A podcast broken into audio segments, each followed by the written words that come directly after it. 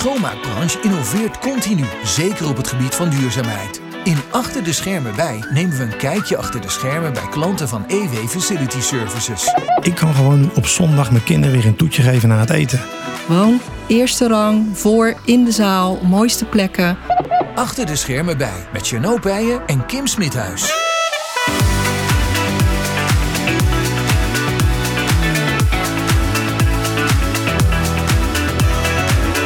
Wat leuk dat je weer luistert. Mijn naam is Chino van EW Facility Services. Ik ben Business Development Manager. En naast mij, mijn co-host, ze is er weer, Kim. Ik ben er weer. Gezellig. Ja, leuk. Ik ben natuurlijk de innovatiespecialist van EW. En dit is de tweede uitzending van Achter de Schermen bij. Heb je er zin in? Ik heb er ontzettend veel zin in. Ik vind het ook leuk dat we hier weer met z'n vieren zitten met twee mooie gastsprekers. Vind ik ook heel erg leuk. Dus ja, Kim, wat gaan we vandaag doen? Ja, Chano, vandaag gaan we samen een kijkje nemen achter de schermen bij een van onze opdrachtgevers. Om te zien hoe zij zich inzetten voor een duurzamere wereld. Ja, want als uh, schoonmaakorganisatie onze krachten te bundelen met onze partners, kunnen wij een nog grotere impact uh, natuurlijk maken. En daar nemen we je graag in mee. Ja, leuk Chano. En leuk Edwin en Leonie dat jullie hier vandaag zijn. Uh, ja, we gaan gewoon lekker beginnen met onze tweede aflevering alweer. Absoluut. En in deze uitzending zijn we dus achter de schermen bij Amare om van hun uh, development en relatiebeheermanager uh, Leonie te leren over sociale duurzaamheid. En ook bespreken we social return en de inzet hiervan. Hiervoor spreken we met Edwin, ook mede-eigenaar van uh, Teamwerk, als ik het goed heb. Ja, klopt helemaal. dus wat leuk dat jullie er zijn. Leonie, kun jij wat meer over jezelf vertellen? Uh, ja, zeker. Dat, dat uh, doe ik. Uh, maar ik wil ja, eerst even ook zeggen dat ik heel erg vereerd ben dat ik nou ja, als afgevaardigde van Amare, zeg maar, hier bij jullie podcast achter de schermen van EW mag zijn. Dat is echt superleuk. Ehm, ja, ik werk sinds maart 2020 bij Amare. Bij de afdeling Development en Relatiebeheer. Amare is het nieuwe cultuurhuis in het centrum van, van Den Haag.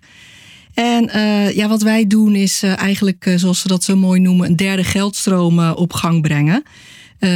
met Amare hebben we ja, mooie ambities. We willen bijvoorbeeld bijzondere internationale programmering naar Den Haag halen, naar Amare. Nou ja, daar is best wel veel geld voor nodig. En daar ja, zorgen wij voor met partnerships, met proposities om bedrijven en particulieren ja, aan ons te binden. En ja, aan die donateurs hebben we ook veel moois te bieden. bijvoorbeeld onze Amare Member Club, daar organiseren we een aantal events, exclusieve events voor in Amare. ja, dus dat is superleuk om te doen. Mooi, mooi om te horen. Leuke, bijzondere functie ook. Ehm, Edwin, Leuk ook dat jij hier vandaag bent. Uh, met jou werken we samen uh, met EW bij Amare. Klopt. Wat doet Teamwerk nou eigenlijk voor de luisteraars? Nou ja, Teamwerk Participatiedienst is een, uh, een reïntegratie- en jobcoachorganisatie. En wat wij doen is dat wij mensen met een afstand tot de arbeidsmarkt aan het werk helpen. En afstand tot de arbeidsmarkt is een heel ruim begrip. Dan moet je denken aan mensen met een arbeidsbeperking, mensen die langdurig in de bijstand zitten, of mensen die bijvoorbeeld eh, vanuit een ander land hier naartoe gekomen zijn, de taal nog niet machtig zijn. Dus eigenlijk eh, gemiddeld genomen iedereen die moeilijk zelfstandig aan het werk komt, die helpen wij. En hoe ben jij eigenlijk in deze branche terechtgekomen? Nou, dat gaat wel eventjes terug. Van oorsprong ben ik uh, gymnastiekleerkracht. Ik heb jarenlang in het speciaal onderwijs gewerkt. En mijn, mijn laatste zes jaar in het onderwijs was ik stagecoördinator. En moest ik leerlingen vanuit het speciaal onderwijs de arbeidsmarkt op zien te krijgen. Sowieso vond ik dat hartstikke leuk om te doen. Maar wat ik als leraar eh, een beetje miste, was het feit dat er heel veel bedrijven ja, nog niet aan toe waren om deze mensen een plek te bieden. Nou ja, eh, regelmatig overleggen met mensen in mijn netwerk. Dat ik daar tegenaan liep. Totdat er eentje zei van joh, maar dan moet je voor jezelf beginnen. En dan moet je een bedrijf starten. En dan moet je voorlichting geven bij bedrijven dat deze mensen eigenlijk veel meer kunnen uh, dan iedereen misschien denkt. Nou zo is teamwerk uh, ooit ontstaan. En dat doe ik al, nou ja, heel wat jaartjes. Sinds 2013 met heel veel passie. Lijkt me wel heel erg spannend om uit, uh, vanuit niks dan te, te starten. was er dan ook echt al gauw markt? Hoe heb je dit aangepakt? Ja, daar moet ik even goed over nadenken. Kijk, een leraar is niet van oorsprong een ondernemer. Dus je hebt wel wat mensen om je heen nodig die je helpen om een businessplan te maken. En hoe ga je dat nou rendabel maken? Maar heel snel voel ik me als een vis in het water mensen uitleggen hoeveel talenten mensen hebben. Dus niet uitgaan van wat mensen niet kunnen, maar vooral de nadruk leggen op wat ze wel kunnen. Nou, en als je dan heel snel opdrachten krijgt van allerlei bedrijven, zowel klein als groot, ja, dan gaat het eigenlijk vanzelf. En dan ben je heel snel gewend. Ja.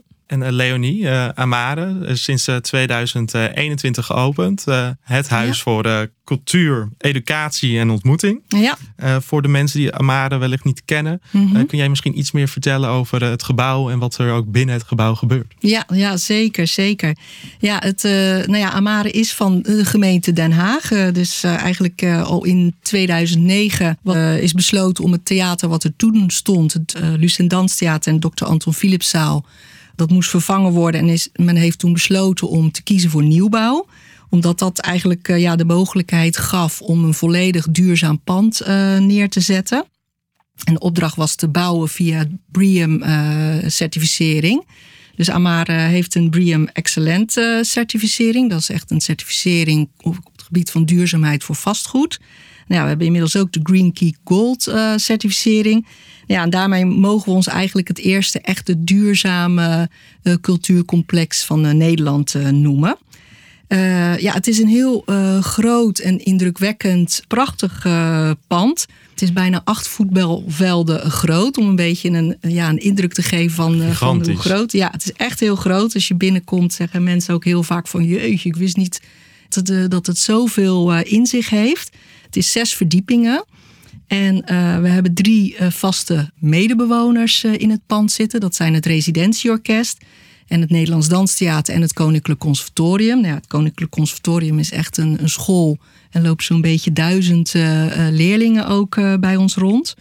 Dus zeg maar, ja, duurzaamheid, het open karakter en natuurlijk de, de, de hele goede akoestiek in de zalen. Dat zijn wel echt belangrijke kenmerken voor, van Amare. Ja. ja, mooi om te horen, want we zitten hier natuurlijk niet voor niets ook met, met teamwerk.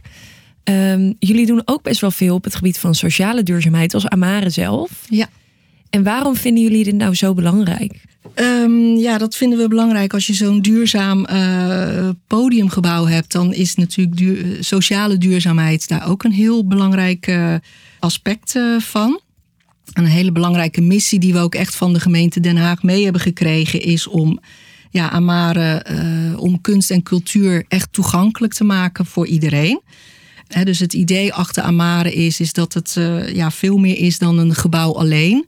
Uh, ja, het is echt een, uh, ja, een, een, verzamelplaats van de creatieve energie zeg maar, van Den Haag. Dus Amare wil echt zijn deuren echt openzetten. Ja. En ja, het, het, het theater wat de eerste stond, zeg maar het Lucent Danstheater en het Anton Philipszaal, dat was eigenlijk een, een grote uh, zwarte doos die er stond. En de lichten gingen aan als er een voorstelling was. En je kon eigenlijk alleen maar naar binnen als je een kaartje had uh, gekocht. En ja, Amare is eigenlijk van s morgens vroeg tot s avonds laat open. Het heeft ook niet één grote statige ingang, maar twee ingangen. Je kunt eigenlijk helemaal binnen doorlopen. En daar is dan eigenlijk altijd iets uh, ja, te beleven. Hè? Iets uh, op het kunstenplein of bij de, bij de tribunetrap. Dus je kunt als buitenstaander gewoon lekker binnenkomen. Even in de stadskantine een kopje koffie drinken. Of uh, op de tribunetrap gaan zitten. Ja, ja dus dat is het stukje sociale duurzaamheid, denk ik ook, wat, ja. we, wat we bieden. En wat zijn dan concrete initiatieven die jullie doen op, bij Amare op het gebied van sociale duurzaamheid? Ja, ja. Um, ja, eigenlijk zit sociale duurzaamheid helemaal wel verweven door de organisatie. Hè? Dus je, uh, je ziet het ook terug bij, bij educatie en bij de programmering. En we hebben ook mensen bij de restaurants werken via Social Capital. Ook hè, wat jij net vertelde met afstand tot de arbeidsmarkt. Maar twee hele concrete initiatieven zijn bijvoorbeeld Open Amare en uh, Nice to Meet You. En uh, ja, bij Open Amare kun je eigenlijk genieten van allerlei kunst en cultuur in de openbare ruimtes van, uh, van Amare. En die zijn gratis, gratis toegankelijk. En ja, daar kun je denken aan dingen zoals een yogales in de, in de foyer. Of Chinese dans voor de senioren. Of bijvoorbeeld de optreden van een Haagse balletschool. Social dance met de Heekhoppers. Of een lunchconcert van studenten van het Koninklijk Conservatorium. Dus dat is echt nou ja, heel laagdrempelig, gratis toegankelijk. En ja, bij het Nice to Meet You programma, daar nodigen we mensen echt uit.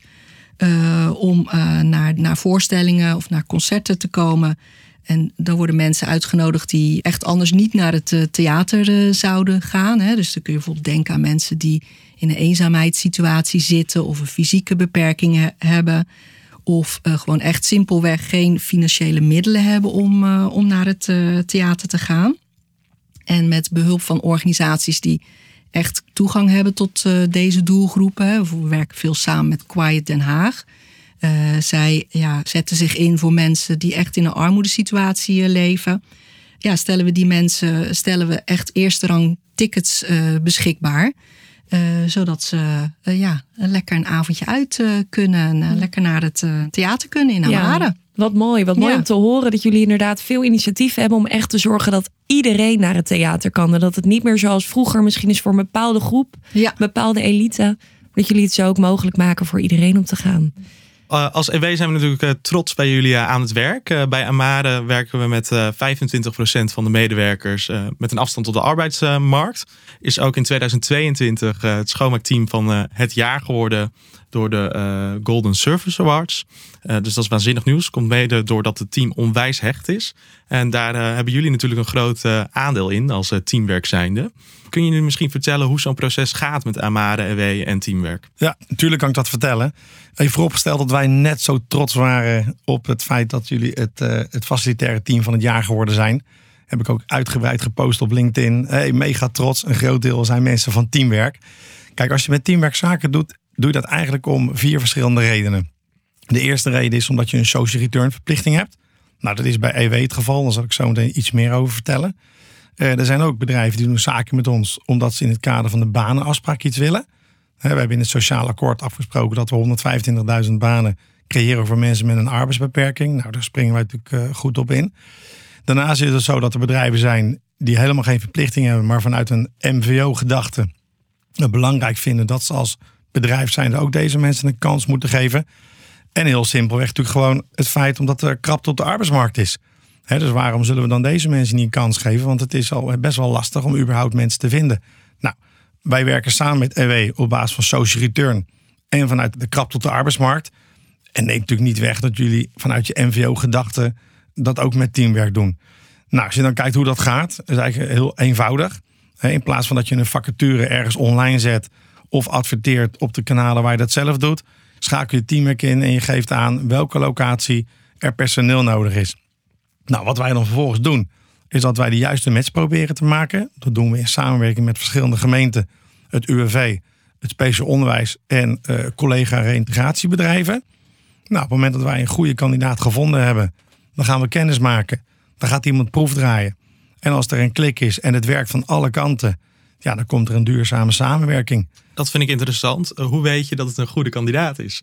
Nou, dat, dat moet vooral de objectleider beoordelen. Ja. in samenwerking met ook die kandidaat. Ik zeg altijd, als iedereen het naar zijn zin heeft, hè, dus de kandidaat vindt het werk leuk, maar de objectleider is ook tevreden met eh, de productiviteit die iemand levert, en hij ligt ook nog eens of zij goed in het team, ja, dan is er een match en dan aan het eind van de streep is, eh, is teamwerk natuurlijk tevreden. Ja, gaaf. Ik denk dat je ook best wel veel praktijkvoorbeelden hebt van de positieve, de positieve werking die zo iemand kan hebben in een team. Ja, Of juist ook voor degene die in het team wordt toegevoegd. Heb je wat voorbeelden voor ons? jeetje. Nou, dat gaat later worden hoor vanavond. We hebben de tijd, we hebben de tijd. Nou ja, sowieso hebben we natuurlijk bij EW op dit moment eh, zes mensen werken bij Amare. Dat is natuurlijk best wel een groot aantal. We hebben een heel tijdje bij het Bilderberg Hotel in Rotterdam iemand gehad. Hè, dat was een meisje. Dat kwam bij ons op de banenmarkt. En die vertelde dan... Ja, ik kan eigenlijk nergens werk vinden. Ik heb autisme en niemand geeft me een kans. En weet je, dat raakt je op een of andere manier. Ja. Nou, dan, dan ga je echt voor dat soort mensen ga je je beste beentje voorzetten. Je gaat schakelen. Ik bel vaak dan met Judith. Nou, die koppelt me dan weer aan een collega die erover gaat. En vervolgens gaat iemand starten. En dan blijkt er een hartstikke leuke klik te zijn met iemand die daar ook werkt. Ja, zo komen echt de mooiste plaatsingen tot stand. En wij onderschatten vaak wat het betekent voor iemand die heel lang niet meegedaan heeft, die ineens weer een baan heeft. Moet je maar eens voorstellen, als je dus geen werk hebt, dan raak je vaak sociaal geïsoleerd. Hè? Kijk, kijk maar eens om je heen. Mensen bouwen relaties op op het werk. Vrienden waar je mee uitgaat. Sommigen krijgen zelfs een relatie. Erbij horen. Een personeelsfeestje, een uitje. Je wordt gevraagd op de verjaardag van een collega. Iemand die dus, dus niet werkt, heeft dat allemaal niet. Nou, dat gaat ook nog veel verder als je bijvoorbeeld ook kinderen hebt. Ja, je kind zit in de klas. Nou, en dan ga je naar school. En dan vragen ze op school: wat doet je vader of wat doet je moeder voor werk? En als je dan als kind altijd maar moet zeggen: ja, mijn vader zit thuis de hele dag. Dan is dat eigenlijk voor zo'n kind niet leuk. Dus het gaat nog veel verder dan alleen maar de waarde voor die persoon zelf. Nou ja, los van het feit dat financieel de hartstikke belangrijk is dat je een baan hebt. Ja. Ik heb wel eens iemand gehad die zei tegen mij van... Hey Edwin, heb jij enig idee wat deze baan voor mij betekent? Ik zei nou, ik zeg vertel. Hij zei, ik kan gewoon nu op zondag mijn kinderen weer een toetje geven na het eten. Nou, dan krijg je kippen wel. Hè? Ik, bedoel, ik heb pubers, die gooien wel eens een pak yoghurt weg. Met de datum tot morgen. Omdat de picknick al nieuw heb gebracht. Die twee weken langer goed is en die waarschijnlijk lekkerder is. maar ja, het is een beetje de context waar mensen in leven. Ja. En het vooruitzicht wat ze hebben als ze geld gaan verdienen. Dus ja, het is echt eh, ontzettend waardevol werk wat wij doen. Nou, ik denk dat wij nu ook wel met een beetje kippenvel hier zitten. Ja. Ja, jeetje, wat mooi. Ja, en ik, ja, ik vind dat echt heel mooi, eh, Edwin, wat jij eh, vertelt. En dat herken ik ook vanuit het Nice to Meet You programma. Want jij zegt van ja, wij, wij realiseren soms niet hoe belangrijk het is om mee te doen. En Ja. net wat jij zegt, als je mensen, hè, bijvoorbeeld met Nice to Meet You, een avondje eh, theater kunt bieden. Ja, omdat ze vaak geen kant op kunnen, zitten ze heel erg thuis. En dan ligt sociaal isolement op de, op de loer. En als je ze dan weer even een avond ja, even eh, plezier kunt bezorgen, een avondje uit. Ja, dat, eh, dan, dan kunnen ze echt even hun zorgen vergeten. Ja, dat is onschatbare waarde. Ja, heel betekenisvol. Ja. En wij hadden het vorige keer al over hoe krijg je dan ook die eh, mensen naar theater toe? Want ze vinden het soms ook heel erg spannend. Eh, hè, dan geef je uiteindelijk een, een ticket beschikbaar, dan eh, begeleid je ze. Maar dan zie je soms ook nog wel dat er uiteindelijk iemand niet eh, langskomt. Ja, Eigenlijk omdat ze het een beetje spannend vinden. ja. Kan je daar misschien iets meer over vertellen? Ja, daar heb je helemaal gelijk in. Voor deze mensen is het soms al lastig van ja, wat moet ik aan? Want ik heb alleen maar één spijkerbroek en daar zit een gat in. Daar kan ik niet mee naar het theater. En maar je ziet dus inderdaad dat het aantal no-show heel erg eh, hoog is. Ja, en hoe proberen we dat te voorkomen? Wij werken samen met organisaties die heel erg nauw contact hebben met deze mensen. Dus die geven bijvoorbeeld persoonlijk eh, gaan ze het kaartje overhandigen en leggen nog eens uit van god, dit, hè, dit kun je verwachten vanavond. En er zit een pauze in, dan krijg je een gratis drankje in de pauze. Dus ik denk heel erg dat één op één contact en eh, mensen geruststellen en ze ontvangen. En, en, en een stukje begeleiding. En ook goed luisteren eh, met de organisaties in gesprek van wat is er nog meer nodig. Hè, willen ze juist onbezorgd opgaan in de massa? Want dan voelen ze zich eh, gewoon eh, ja, eventjes net als iedereen. Of vinden ze het juist prettig om even apart ontvangen te worden. En moet je bijvoorbeeld ook nog zorgen juist dat het vervoer geregeld wordt. Dus dat is een beetje afhankelijk van, van de doelgroep. Ja. Wat, wat zijn dan de reacties die je krijgt nadat ze het theater hebben bezocht? Ja, ja die zijn echt, eh, echt wel heel fijn en echt heel ontroerend. Ehm, eh, ja, echt van nou, eh, super bedankt. Ik ben al in jaren niet meer een avondje uit geweest en ik kan er weer even tegenaan. Of een moeder die zegt van nou, we hebben zo genoten. En mijn, mijn dochter kan nu eindelijk ook in het kringgesprek vertellen dat ze naar een musical is geweest. En ze mocht zelfs ook nog een vriendinnetje meenemen. Ja, zo krijgen we heel veel eh, reacties. Ja. Echt waanzinnig. Ja, ja. Je kan het bijna niet voorstellen. Ik, eh, ja, toen ik jonger was, dan naar mijn ouders me ook wel eens mee naar een musical. En gingen we naar de Lion King, et cetera. onvergetelijk. Ja. En, eh, waanzinnig om dat te zien. En dan kreeg je misschien nog wel een leuke eh, Simba-knuffel. Ja. Dat is natuurlijk helemaal niet vanzelfsprekend. Dus het is echt waanzinnig dat jullie dat zo kunnen bieden via het Nice Ja. to Meet You Ja. programma. Jullie praten er beide echt met volle passie over. Echt Nou, ik- ontzettend mooi werk wat jullie doen. Ik hoor ook een enorme kans. We hebben natuurlijk heel veel mensen die nou ja, aan de onderkant van de maatschappij zitten als het gaat om inkomen. Hè. Mensen verdienen bij ons niet eh, de hele wereld. Ja.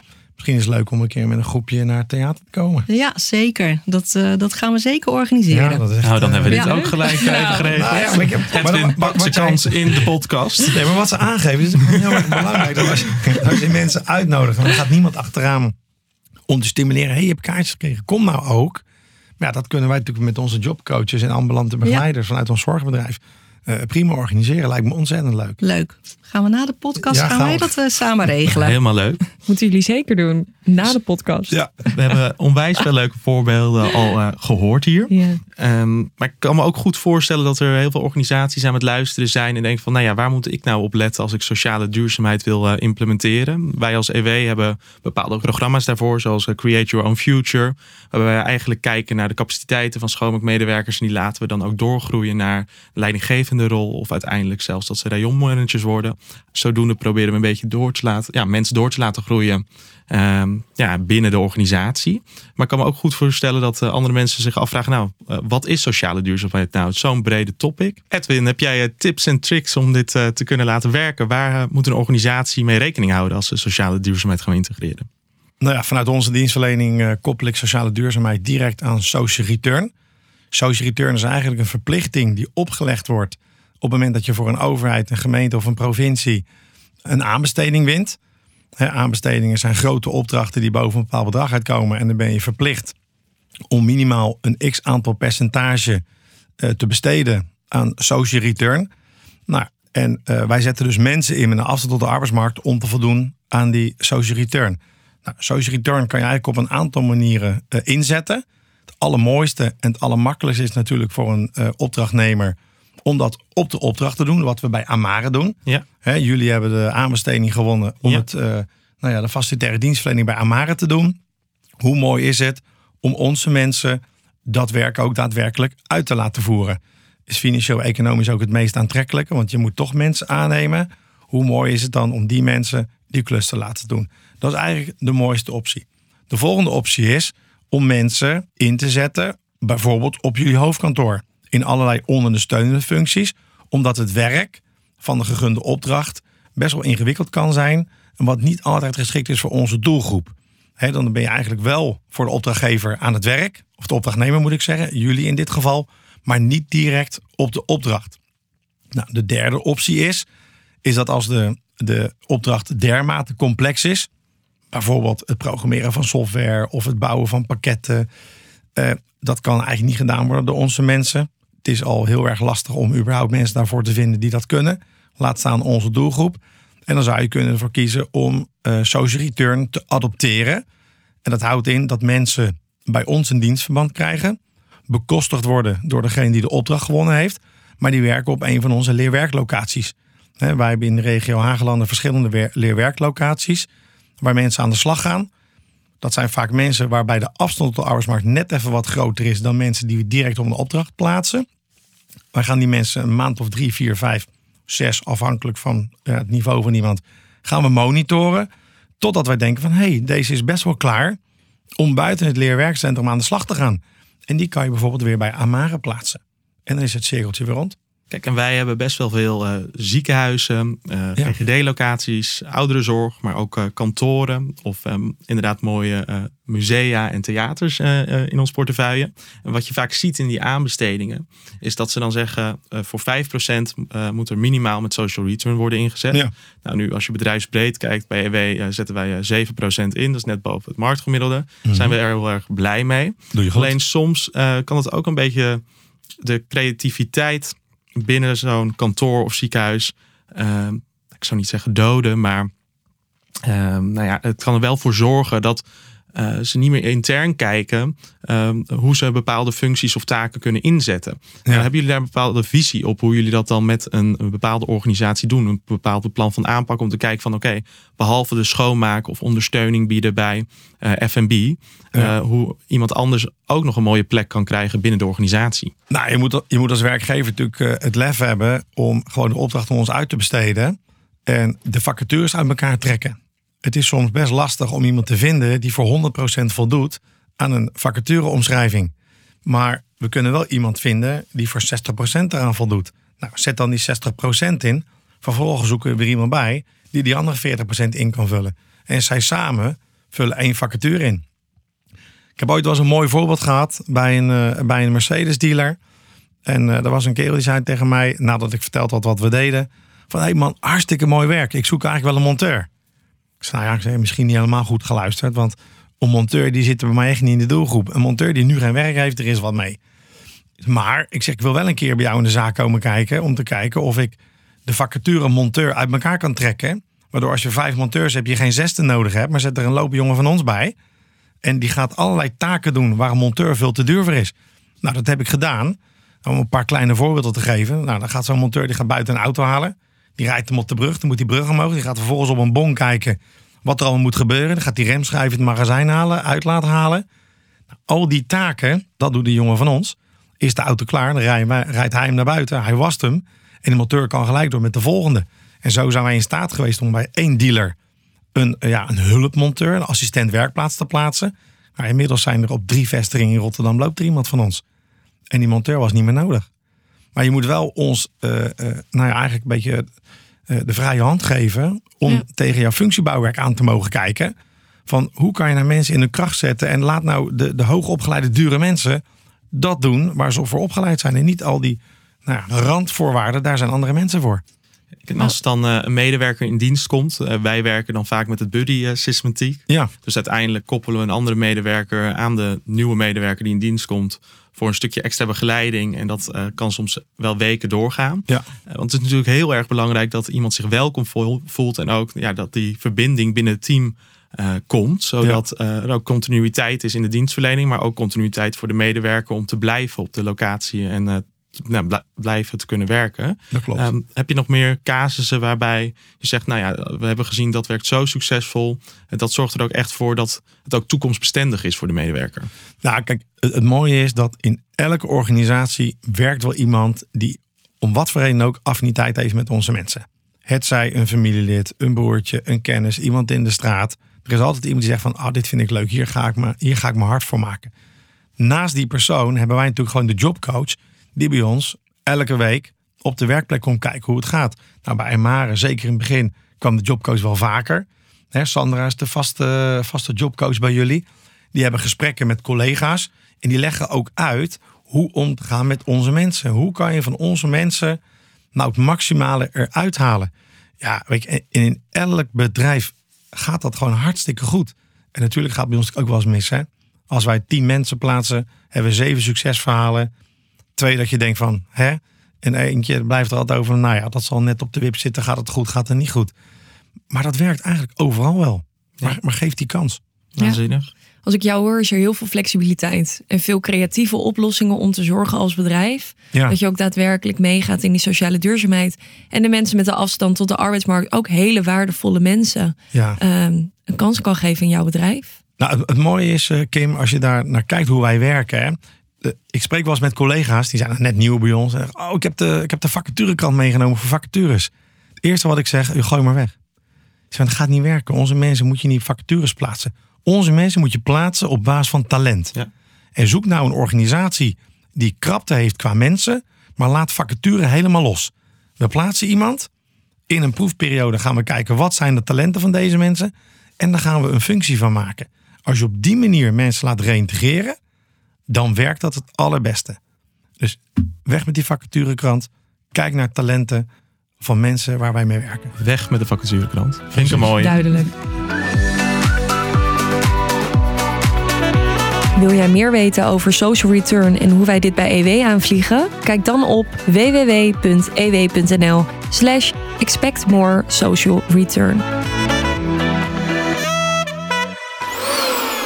Toch nog heel kort even inzoomen op Leonie eh, met het Nice to Meet You. Omdat het zo'n mooi concept eigenlijk is. En je creëert zoveel verbinding binnen de maatschappij. Eh, en ik denk dat het best wel lastig is om soms zo'n initiatief te laten eh, werken.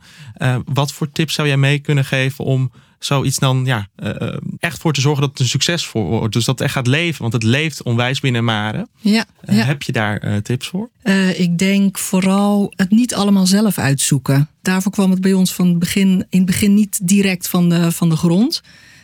Omdat ja, eigenlijk heb ik er helemaal geen kennis van de doelgroepen. Van hoe, ja, hè, wat beweegt ze.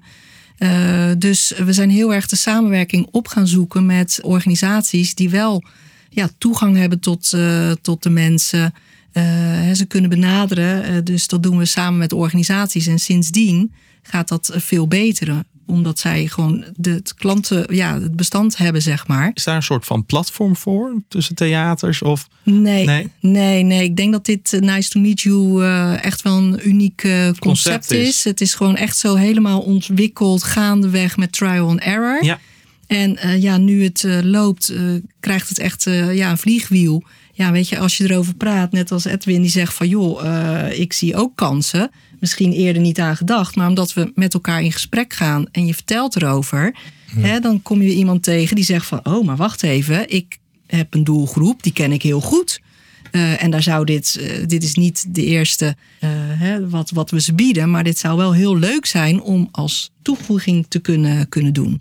Ik kan me Dus- ook heel goed voorstellen dat andere theaters dit ook moeten gaan implementeren. En dat ze dan bij jou komen aankloppen misschien om te vragen van hoe doen jullie dit nou? Ja. Want eigenlijk zou je dat ja, eh, mensen in Amsterdam, Utrecht eh, ook willen gunnen. Ja, eh, ja. Als ze dat nog niet hebben. Ja, dat dus, eh, inspireert natuurlijk. ja. Ja, wat je natuurlijk wel ziet heel veel bij andere theaters is, eh, is bijvoorbeeld dat eh, nou ja, als er voorstellingen zijn die niet zo goed lopen, hè, dat je op het laatste moment zegt, echt last minute, van goh, we hebben zoveel tickets beschikbaar, die stellen we, eh, nou, die bieden we aan tegen een zwaar gereduceerd tarief.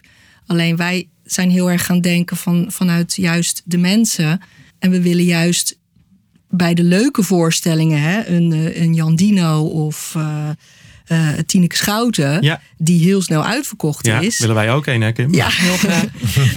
Hè, de- daar, daar, daar heb je dat dus niet. Dus daar zorgen wij al juist ruim van tevoren dat we een blokkade erin zetten. Van nee, dat reserveren we echt voor deze doelgroep. En ook niet op vierde rang. Gewoon eerste rang, voor, in de zaal, mooiste plekken.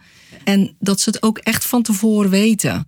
Vind ik Eh, echt dus, heel mooi. Dus dat is een beetje, denk ik, een andere benadering. Ja, mooi. Inspirerend hoor, wat jullie allemaal zeggen. Ik denk voor de luisteraars ook gaaf om te horen wat er allemaal mogelijk is. Want er is zoveel meer mogelijk eh, ja, op het gebied van sociale duurzaamheid. Dus dank jullie wel daarvoor. We gaan naar het volgende stuk in deze podcast. Ja, het EW duurzaamheidsdilemma. Oeh. Een van de leukste onderwerpen Vinden wij. vinden wij. Eh, we stellen dan altijd eh, duurzaamheidsdilemma's voor. Dat zijn er drie. Eén eh, om één gaan we denk ik doen. Ja, Waarvan de laatste eh, jullie beiden eh, antwoord op mogen gaan geven. We schieten me er gewoon lekker in. Het muziekje komt straks. En dan daarna mag Kim aftrappen. En dan zo snel mogelijk een antwoord geven op het duurzaamheidsdilemma. Maakt niet uit. Niet er is geen goed of fout. Niet over nadenken. wat in je opkomt. Eerste wat er in je opkomt. Oké. En dan zijn wij heel erg benieuwd naar de antwoorden. We starten met Kim die de vraag stelt. En de eerste vraag is voor Leonie. Het duurzaamheidsdilemma. Leonie, we beginnen rustig hoor Leonie. Ja, oeh. Investeren in opleiding van de medewerker of een financiële compensatie? Ja, altijd investeren in medewerkers. Absoluut. Ja, heel belangrijk. En waarom dan? Om eh, ja, ze te laten ontwikkelen en ja, in, in uw kracht zetten, vind ik altijd zo'n naar woord. Maar in ieder geval wel ervoor zorgen dat iedereen zijn talent ontwikkelt. En eh, ja, dat kan laten zien. En daardoor denk ik ook eh, ja, een stuk, stuk eigenwaarde, groeit in eigenwaarde. Mooi, ja. Edwin, komt ie. Volgende. Ja, ben je er klaar voor? Ja hoor. Je medewerkers in circulaire werkkleding, maar altijd jeuk hebben. Of je medewerkers komen lopend naar werk, maar zijn altijd te laat. Jij hebt een leuke. Had ik niet eerder gemogen. nou, ik vind ze eigenlijk allebei niet zo fijn.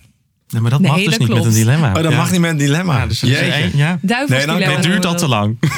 Nee, maar dan, ze komen lekker lopen en te laat. Oké, ja. dat is een probleem voor EW dan. Ja, nee. Of voor Amara. Nou, wij, wij geven hem onze mensen. En ik heb liever dat ze te laat en eh, gelukkig en zonder jeuk op het werk komen. Dan dat ze in circulaire kleding komen. En het jeukt de hele dag verschrikkelijk. Nee, moet ik niet aan denken. Het is En geen CO2-uitstoot Ik wou net zeggen, lekker duurzaam ook We beginnen te laat, dan gaan eerder naar huis. Oké, Leonie. Ja, gaat die kom eerst maar naar jou? Of nou ja, dan kan Edwin er weer even over nadenken. Het is eigenlijk niet eerlijk. We beginnen met Edwin. Dat is goed. Je laat je medewerkers positief de dag beginnen. Door elke dag hoofd, schouders, knie en teen te dansen rondom je bezoekers. Of iedere medewerker werkt op rolschaatsen omdat dat nou eenmaal hun werkgeluk verhoogt. Nee, ik zou de eerste doen. Maar ze gek van gezelligheid bij ons op kantoor. En het past helemaal bij Jullie ons. doen het al elke ochtend. Ja, we doen het al bijna elke ochtend. Ja, we- de liedjes variëren we wel hoor. Niet alleen hoofd, knie en teen. We doen van alles. Nee, Begin de dag met een dansje. Ja, precies. Ja, Ik ben wel benieuwd hoe de bezoekers van Amare daar dan op reageren als iedereen opeens hoofd, schouders, knie en teen doet. Ja, ja. Nou ja, ik kies natuurlijk ook voor de eerste. Wij zijn een eh, cultuurhuis, dus eh, daar draait het om eh, zang en dans, et cetera.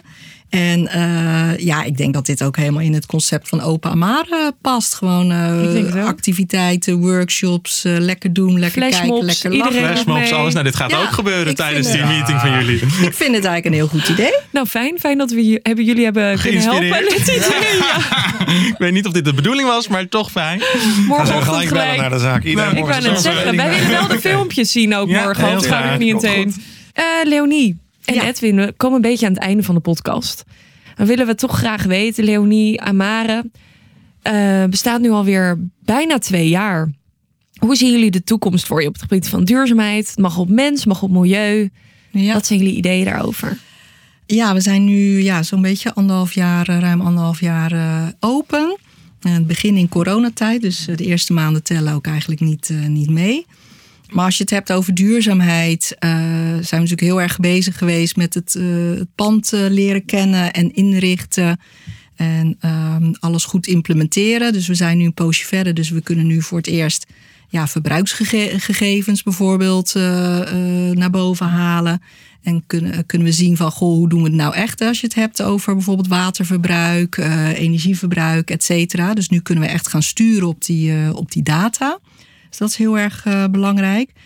Ehm, samenwerken. We zijn nu heel erg gericht de afgelopen tijd meer op onze eigen organisatie, op Stichting Amare. Maar je doet eh, verduurzamen natuurlijk vooral samen. Dus we zijn nu met onze medebewoners, eh, het Residentieorkest, Nederlands Danstheater en Koninklijk Conservatorium, zijn we nu samen gegaan om te kijken van wat kunnen we samen doen. Eh, zoiets als bijvoorbeeld afval is natuurlijk een heel Ja, belangrijk item. zeker. En we willen natuurlijk van de lineaire economie, van eh, je onttrekt je grondstoffen, je gebruikt ze en je gooit ze weg, naar een volledig circulaire economie. Ja. Ja, en dat doe je niet, eh, niet alleen. Dat gaat natuurlijk door de hele keten. Eh, dus daarin zijn we ook heel erg blij met, eh, met EW. Omdat eh, EW natuurlijk ook heel erg gefocust is op innovatie en op eh, duurzaamheid. Dus dat is heel fijn samenwerken. Innovatiespecialist Kim naast Ja. ons natuurlijk. hè. Jeetje. Nou, Ja, ja, daar proberen we inderdaad zeker wel de focus op te leggen. En dat is ook mooi met een partner zoals Amare, die daar ook heel erg, ja, die dat ook graag willen.